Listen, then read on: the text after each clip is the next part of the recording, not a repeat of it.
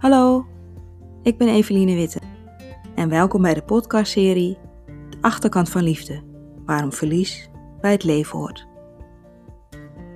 Want hoe mooi zou het zijn als er meer begrip en bewustzijn is voor de verschillende soorten van verlies en de rouw die daarbij komt.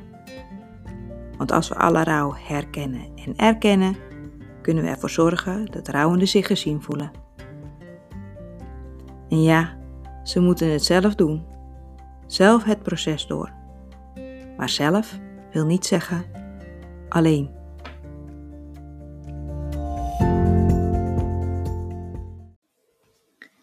Welkom bij de derde aflevering van De Achterkant van Liefde, waarom verlies bij het leven hoort. Fijn dat je luistert, leuk dat je luistert. En het is alweer enige tijd geleden dat ik de vorige aflevering heb opgenomen. Dat was in ten tijde van de lockdown in Nederland, de intelligente lockdown. En na die tijd is er een hoop gebeurd.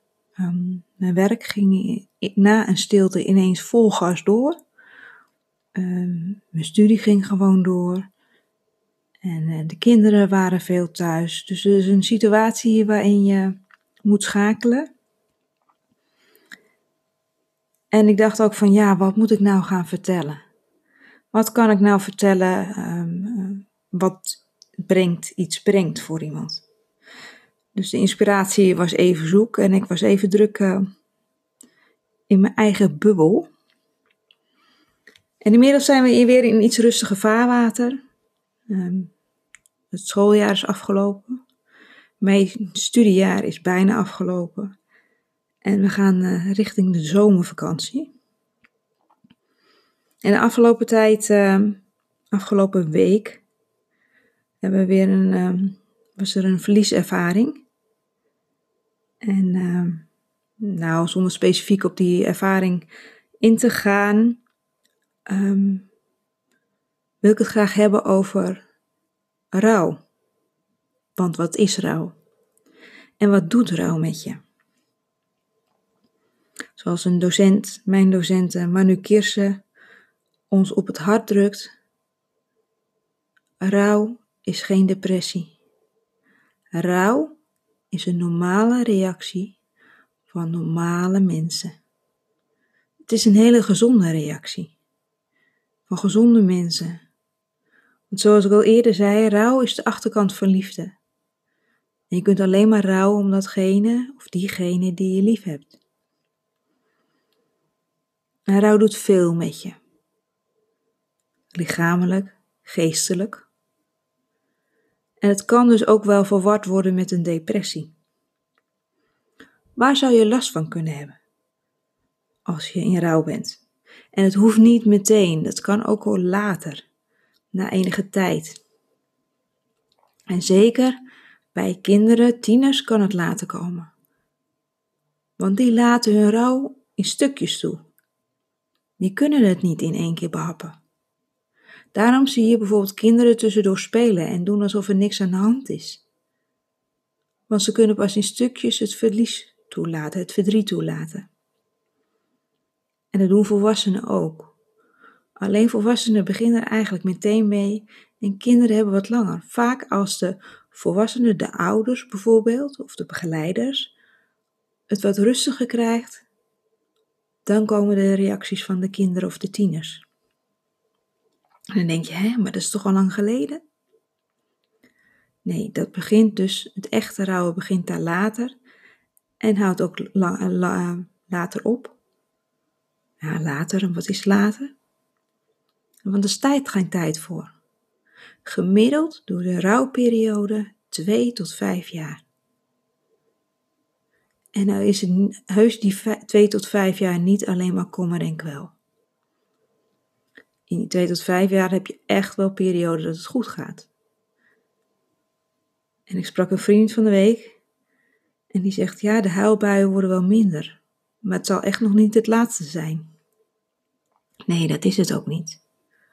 Al zullen met die tijd die huilbuien minder vaak komen en als ze komen, zullen ze minder lang gaan duren. Zullen ze eerder over zijn. En je weet niet wanneer ze komen, want soms sta je zomaar bij het aanrecht en dan schiet het ineens binnen. Of dan kom je iets tegen of in de winkel dat je dacht van, oh, dat vond diegene altijd zo lekker. Of uh, hier hebben we, als je foto tegenkomt van, goh, dat doet me herinneren daar en daaraan. Dus daarom spreek ik ook liever niet van rouw verwerken, omdat bij verwerken bij een hoop mensen dan denken van het is over en klaar en het komt niet meer terug. Maar niet, dat is niet de juiste betekenis van verwerken. Verwerken is dat je ermee bezig bent. En het wil niet zeggen dat het klaar is, want je zal het altijd met je meedragen. Het zal altijd een deel van je zijn. En nu zei ik net van, goh, wat is rouwen dan?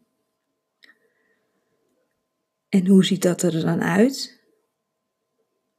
Nou, het heeft lichamelijke en uh, psychische symptomen.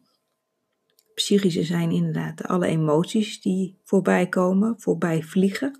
Het kan zich heel snel afwisselen. Verdrietig, boos, uh, agressief, uh, angstig, um, schuldgevoel, piekeren. En um, lichamelijke reacties, symptomen van rouw, vermoeidheid, futloos, slaapproblemen, hoofdpijn, passief of juist ook overactief, verminderde eetlust of juist meer eten, onrustig, je concentratie is minder, je geheugen is minder. Zelfs als je dingen op een briefje schrijft, dan nog kan je ze vergeten. En zeker die vermoeidheid en slaapproblemen, die zorgen dat je moeilijk de dag door kan komen. En dat je eigenlijk halverwege de ochtend al zo moe kan zijn dat je denkt: oh, ik moet nog een halve dag. En er wordt ook wel gezegd: rouwen is heel hard werken.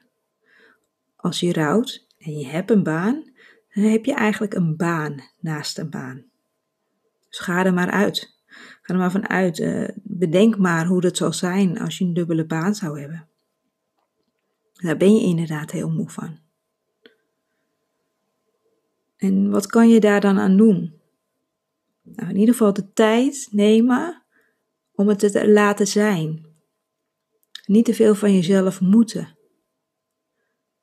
Gun het jezelf dat het gewoon een dag minder gaat. En bedenk niet van, oh ja, maar ik moet, ik moet. Nee, je moet even niks. Want hoe harder je gaat moeten, hoe moeilijker het wordt. Gun jezelf de tijd, zet een aantal dingen op non-actief. Maar word niet helemaal passief. Ehm, bewegen is bijvoorbeeld heel gezond. Bewegen in de buitenlucht. Niet extreem, maar gewoon een wandeling in de natuur. Dat kan al goed doen. Zorg voor voldoende rust. Ga niet tot over je grens. Um, rust wat vaker uit. Of doe dingen in een lager tempo en doe minder.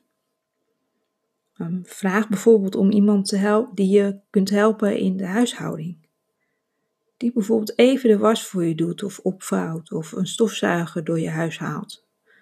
Even de ramen lapt of een keer boodschappen voor je doet dan zijn er activiteiten die jij minder hoeft te doen. En die energie kan je weer steken in het rouwen. Wat ook heel belangrijk is, dat als je eetlust al minder is, dat je dan wel eet wat gezond is. En nu herken ik bij mezelf dat ik denk van als je al niet zo lekker in je vel zit, ben ik in ieder geval geneigd om te grijpen naar makkelijk eten. En makkelijk eten is niet bepaald gezond eten. Vaak niet juist. Meestal zijn het koolhydraatrijke middelen, voedingsmiddelen.